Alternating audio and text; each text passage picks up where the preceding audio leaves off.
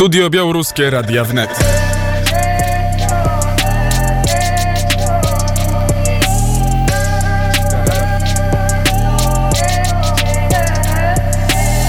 Белорусская студия Radio Wnet. 12 minut po godzinie 9 studio białoruskie Radia Wnet z Warszawy. Wita się Paweł Bobułowicz. Naszą audycję realizuje Filip Kwiatkowski. I oczywiście od razu łączymy się z Wilnem, gdzie jest Ola Siemaszko, szefowa naszej białoruskiej redakcji. Dzień dobry, Olu. Dzień dobry. Olu, w Warszawie słońce, błękitne niebo. Zrobiło się jasno. Jak wygląda dzisiaj Wilno? Nie wygląda Wilno tak samo. Nie mamy son, słońca, ale mamy takie jasne niebo. Ale nie ma tej strasznej pogody, której nazwy nie możemy zapamiętać w redakcji, a którą tak często Nie ma, powtarza. dzisiaj nie ma. Nie. No to tyle, tyle, tyle dobrego. No oczywiście dzisiaj będziemy rozmawiali nie o sprawach litewskich, tylko o sprawach e, białoruskich. Naszym specjalnym gościem będzie dr Paweł Usow, E, ale zaczynamy tradycyjnie od e, wiadomości, które przedstawi Ola Siemaszko.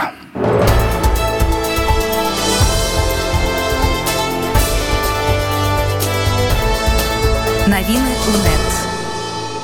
Rosyjskie Ministerstwo Spraw Wewnętrznych ma portal publiczny, za pomocą którego można sprawdzić, czy dana osoba jest poszukiwana w Rosji, czy nie. Rosyjska Mediazona zebrała wszystkie dostępne w serwisie karty prześladowań. Na początek lutego w sprawach karnych poszukiwanych było więcej niż 95 tysięcy osób i w tej bazie danych więcej niż 3 tysięcy obywateli Białorusi. Li, na liście znajduje się 61 Białorusin, którzy walczą w jednostkach ochotniczych na Ukrainie. Przedstawiciele Zjednoczonego Gabinetu Przejściowego doradcy Świetlany Tichanowskiej. Sama Tichanowska została dodana do listy osób poszukiwanych, ale później jej nazwisko zniknęło. Kto będzie jej szukać w Rosji, skoro wszyscy wiedzą, że znajduje się na terytorium Unii Europejskiej, wyjaśniła rosyjska propaganda. Na rosyjskiej liście poszukiwanych znajdują się Białorusini, którym udało się opuścić kraj po odbyciu kary w całości lub przed nią. Są także dziennikarze, wśród nich jest Andrzej Pisalnik, publicysta i dziennikarz polskich mediów na Białorusi, redaktor naczelny portalu znadniemna.pl. Po zniszczeniu pomników sowieckich na rosyjską listę osób poszukiwanych trafiło kilkudziesięciu europejskich polityków i urzędników. Po raz pierwszy w historii znalazła się głowa innego państwa, premier Estonii Kaja Kalas, która opowiedziała się za demontaż sowieckich pomników. Wpisano też 59 posłów Sejmu Łotwy, którzy głosowali za wycofaniem się z, trakt, z traktatu o pomnikach. Komisja śledcza nie zignorowała także litewskich polityków. W Klapejdzie, gdzie w lipcu 2022 roku zdemontowano pomnik żołnierzy radzieckich, Ministerstwo Spraw Wewnętrznych poszukuje burmistrza, jego zastępcy, 13 członków Rady Miejskiej oraz urzędników i dwóch historyków, którzy publicznie poparli demontaż pomników. Z Wilna poszukiwano nie tylko sześciu zastępców Rady Miejskiej, ale także ministra kultury Litwy Simona Sakairysa. To prawdopodobnie za prawdę demontażu pomników Rosja szuka Polaków. Na liście znalazł się między innymi wiceminister aktywów państwowych w rządach PiS Karol Rabenda, prezydent Walbrzycza Roman Szelemiej, prezes Instytutu Pamięci Narodowej Karol Nawrocki i prezes Międzynarodowego Trybunału Karnego Piotr Hofmański. Od ponad półtora miesiąca białorusińcy, obrońcy, Białorusi, białoruscy obrońcy praw człowieka nie mogą skontaktować się z Sergejem Jeremiejewem, który został zatrzymany przez funkcjonariuszy FSB pod zarzutem wysadzania pociągów w tunelu Siewiero-Mujsk, podaje Fundacja Kraj dla Życia. Jeremejew ostatni raz był widziany przed sądem dwa miesiące temu, kiedy zapadła decyzja o umieszczeniu go w areszcie śledczym. Od tego czasu obrońcy praw człowieka nie mają żadnej wiedzy na temat miejsca pobytu Białorusina. 2 stycznia do aresztu śledczego w Omsku przybył białoruski prawnik i dowiedział się, że Eremiejew został przeniesiony do Irkucka. Inny prawnik w areszcie śledczym w Irkucku został poinformowany o przeniesieniu Jeremiejewa do Moskwy. Któregoś dnia w Moskwie trzeci prawnik otrzymał odpowiedź, że Jeremiejewa tu nie ma i nigdy nie było. Jeremiejew został zatrzymany w grudniu 23 roku. RIA Nowości сцепову ён фсб написала, же меншчызна дзялаў в інтарэсе украінскіх служб спецыяльных і атрымаў інструкцыя от інэгу беларусіна мешкаёнцага на літве тэрарыста забраў за складу ладынкі выбуховы э, прывёзаў яе до бурацыі і подложыў на збірніках пацёнгу в таваровых написала РИа новости. До эксплозіі пацёнгу в туннеле ў северамуйскегу дошло 29 листопада на оцінку мен з стацыі рацыямі і кітык і окушукян в паўночнай бурацыі. І Федеральна служба безпечэнства Росіі теж паінфармавала о затрыманні обывателя Беларусі в Воронежу за жут саму удзел в подпаленню подстацыі сеці электрычнай в туле за co грозіць лугалетняя кара позбавення вольнасці ФСБ твердзе за że zatrzymany nawiązał kontakt z ukraińskimi służbami specjalnymi, które za pieniądze zleciły mu przeprowadzenie ataków dywersyjnych i terrorystycznych na infrastrukturę cywilną w Rosji. Według rosyjskich funkcjonariuszy bezpieczeństwa zatrzymany podpalił podstację sieci elektrycznej w Tule, a następnie udał się do Woronieżu, aby podpalić podstację transformatorową. I to była ostatnia wiadomość w naszym białoruskim serwisie. Wiadomość, którą przedstawiła szefowa naszej białoruskiej redakcji Radia UNET Ola Siemaszko. Przy okazji przypominamy Państwu, że audycję w języku białoruskim możecie Państwo słuchać w poniedziałek, wtorek, czwartek i piątek po godzinie 22. Białoruskie Noce. Serdecznie zachęcam, nie tylko zresztą na antenie Radia Wnet, ale też na kanale YouTube Radia UNET białoruskiej naszej redakcji, szczególnie gdy są koncerty. Warto zobaczyć, jak te koncerty w naszym studiu przy krakowskim przedmieściu 79 są realizowane.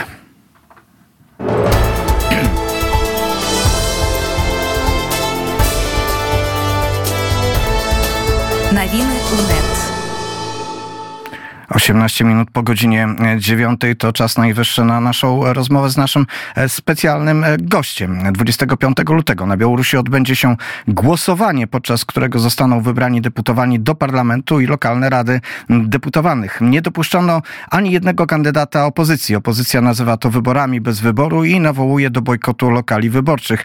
Międzynarodowi obserwatorzy byli zapraszani z, pośród osób lojalnych wobec reżimu. Zachód nie uznał tych wyborów. Porozmawiajmy z naszym gościem, którym jest dr Paweł Usow, białoruski politolog, publicysta, analityk. Dzień dobry, panie doktorze. Dzień dobry. Panie doktorze, wybory bez wyborów, tak e, mówi się na Białorusi. Wśród wolnego społeczeństwa białoruskiego o tych wyborach 25 lutego mają się e, odbyć. Jak wyglądał ten mechanizm tworzenia list? Dlaczego opozycja zbojkotowała te wybory?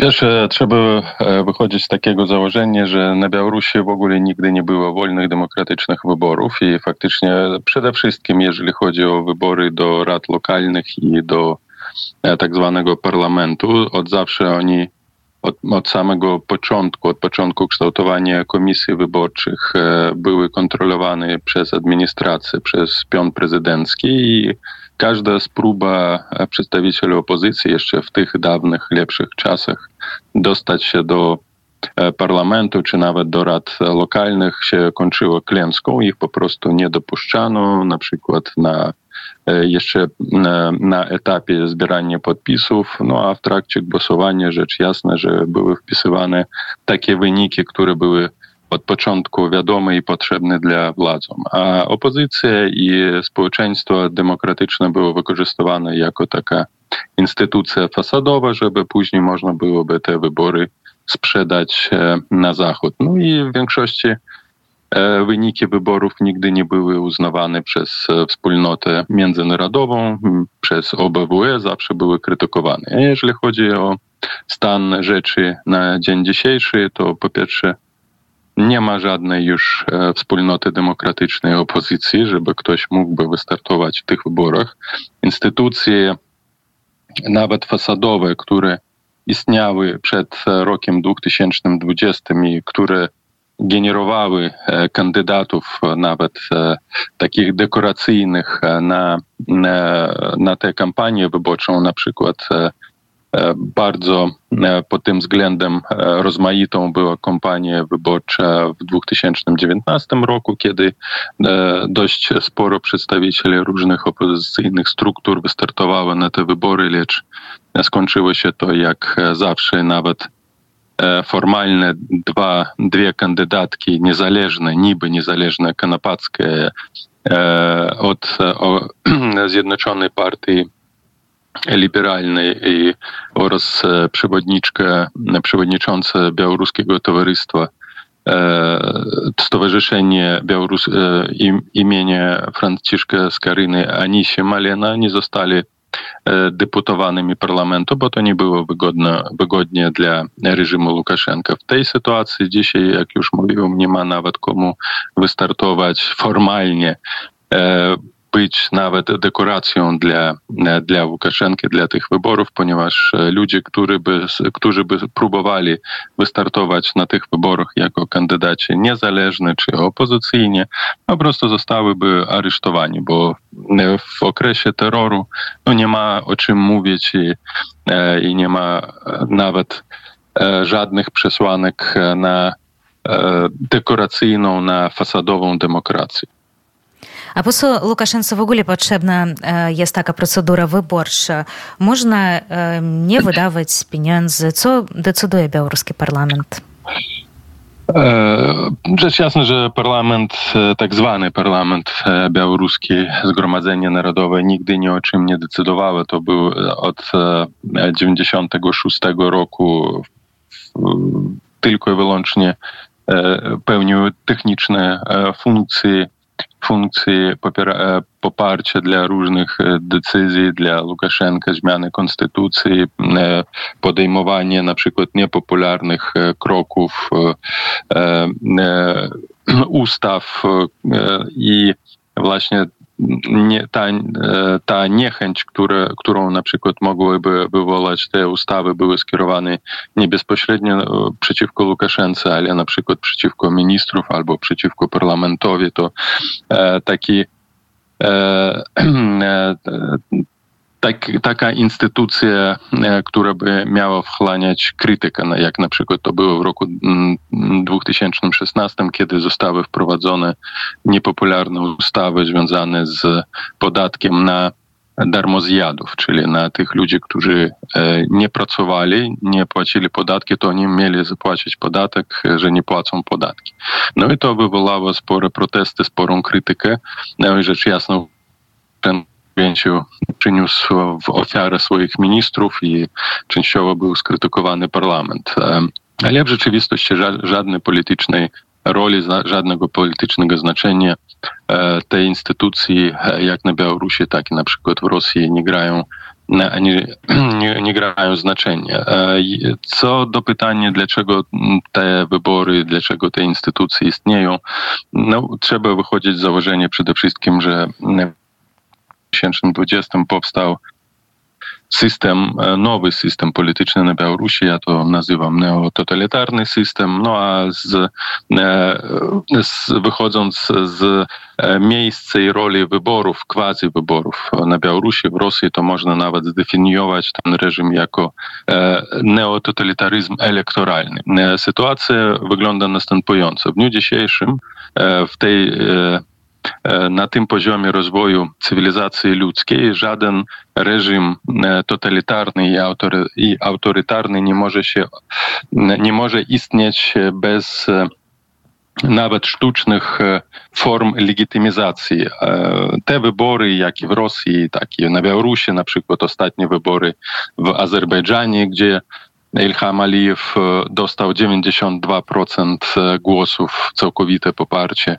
Nawet Stalin mógłby zazdrościć takiemu poparciu. Te reżimy potrzebują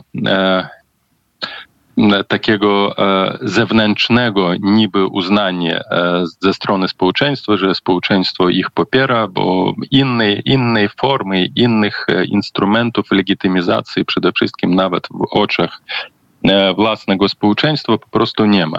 Jeżeli wcześniej, tam w XIX, XX, w XVIII stuleciu formami legitymizacji były na przykład tradycyjne formy, to jest legitymizacja wiara w to, że król imperator jest świętym, świętą postacią, jego jeszcze legitymizowała cerkiew,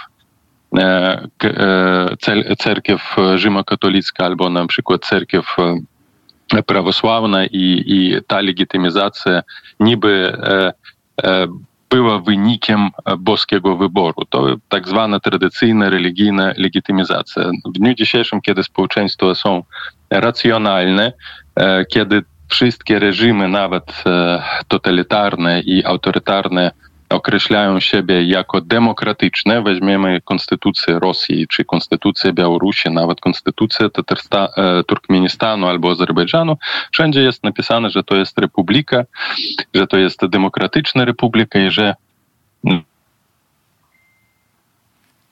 Troszeczkę chyba mamy problem z połączeniem, ale już próbujemy odnowić połączenie z panem. Na preambule, w preambule e, e, Konstytucji Białoruskiej, czyli wybory są konieczne, dlatego żeby potwierdzić, że to jest wola, taka jest wola narodu, że naród wybiera swoich przedstawicieli. A strategia sił demokratycznych podczas tych wyborów to bojkot. Czy pan popiera taką strategię? No innej, wie pani, innej, innej strategii, inny, innego podejścia po prostu w tej sytuacji być nie może, ponieważ nawet formalnych e, mechanizmów, żeby wpływać, narzędzi, żeby wpływać na sytuację wewnętrzną na Białorusi po prostu nie ma. E, I nawet pomysłów, co by struktury opozycyjne mogliby w tej sytuacji zrobić również nie ma, ponieważ opozycja niestety traci te swoje narzędzie, traci połączenie z ziemią, traci możliwości wpływów na zachowanie ludzi, ponieważ jest terror, jest strach, jest pewne niezaufanie do tych instytucji. Drugą, drugim takim podejściem, czyli propozycją ze strony społeczeństwa demokratycznego czy struktur opozycyjnych było organizacja przeprowadzenia wyborów do Rady Koordynacyjnej. Właśnie te wybory do Rady Koordynacyjnej mieliby się odbyć prawie w ten sam dzień, w których kiedy się mieli odbyć wybory do parlamentu i rad lokalnych, żeby zademonstrować przewagę ideologiczną, polityczną, żeby pokazać, jak tak naprawdę działają instytucje demokratyczne. Niestety, jak się okazało, zupełnie struktury demokratyczne nie były przygotowane dla tego, żeby zorganizować swoje alternatywne wybory. Rzecz jasna, że nie możemy nazwać to dokładnie wyborami, bo zorganizować to znajdując, taki proces znajdując za granicą byłoby ciężko, ale nawet na poziomie symbolicznym, na poziomie ideologicznym organizacji przeprowadzenie takiej kampanii alternatywnej mogłoby podnieść zaufanie przynajmniej dla struktur opozycyjnych, pokazać ich skuteczność, pokazać to, że wciąż działają instytucje, wciąż jest jakaś wewnętrzna konsolidacja i solidarność. No niestety nawet na takim poziomie, na poziomie przewagi ideologicznej struktury opozycyjne ponieśli klęskę. Tym wyborom oczywiście będziemy się przyglądać. Gościem Białoruskiego Studia był Paweł Usow, politolog, publicysta, analityk. Bardzo serdecznie panie doktorze dziękujemy. Dziękuję. Dziękuję. I to ta rozmowa z gościem kończy nasze Białoruskie Studio. Do naszego studia na krakowskim przedmieściu 79, przy krakowskim przedmieściu 79 wszedł Wojciech Jankowski, a to oznacza, że za chwilę będzie studio Lwów, a w studiu Lwów, Wojtku, co usłyszymy? Wojtek na gorąco z kawą w rękach i z mikrofonem jeszcze w górze na to pytanie odpowie. Dzień dobry, witam słuchaczy Radia Wnet serdecznie. Dzisiaj naszym gościem będzie Natalia Tkaczyk, polonistka, poetka i tłumaczka, bo chyba dzisiaj przede wszystkim będziemy mówili o e, literaturze polskiej przetłumaczonej na język ukraiński, a Natalia Tkaczyk jest autorką tłumaczenia na język ukraiński wspomnień e, Lanskorońskiej. Imię mi wyleciało z głowy. Karoliny, rzecz jasna, Karoliny Lanskorońskiej. To ja tylko Wspomnienia wojenne. To ja tylko zdradzę, że z panią doktor spotkaliśmy się e, wczoraj na gali e, Sestry, gdzie zostały wręczone nagrody. W, tej gali swój udział też miał Wojtek Jankowski, którego tam niestety A nie zadam było. pytanie, jak brzmiał mój głos, bo mnie nie było na miejscu i nawet nie wiem, czy moja praca została To wykorzystana. właśnie nie, nie wiedziałem, czy zdradzać, ale, ale te biogramy e, laureatów e, wczorajszej nagrody e, były przedstawiane z głosem dobrze znanym słuchaczom Radia Wnet, z głosem e, Wojtka Jankowskiego. Głos brzmiał Wojtku bardzo dobrze i gala była bardzo udana. O tym będziemy rozmawiali w innych audycjach, nie e, białoruskich. My białoruskie studio teraz e, kończymy. Dziękuję serdecznie Oli Siemaszko, Ola Siemaszka z Wilna. Zapewne powie Państwu do usłyszenia. Olu? No tak, do usłyszenia. Do usłyszenia. Olu ze studia przy Krakowskim Przedmieściu 79 żegna się Paweł Bobołowicz. Zapraszam jeszcze e, na nasz Twitter Czarne Niebo News. Tam wiadomości ze wschodu, też wiadomości e, z Białorusi. Do usłyszenia. Studio Białoruskie Radia Wnet. Białoruskie Studia Radio Wnet.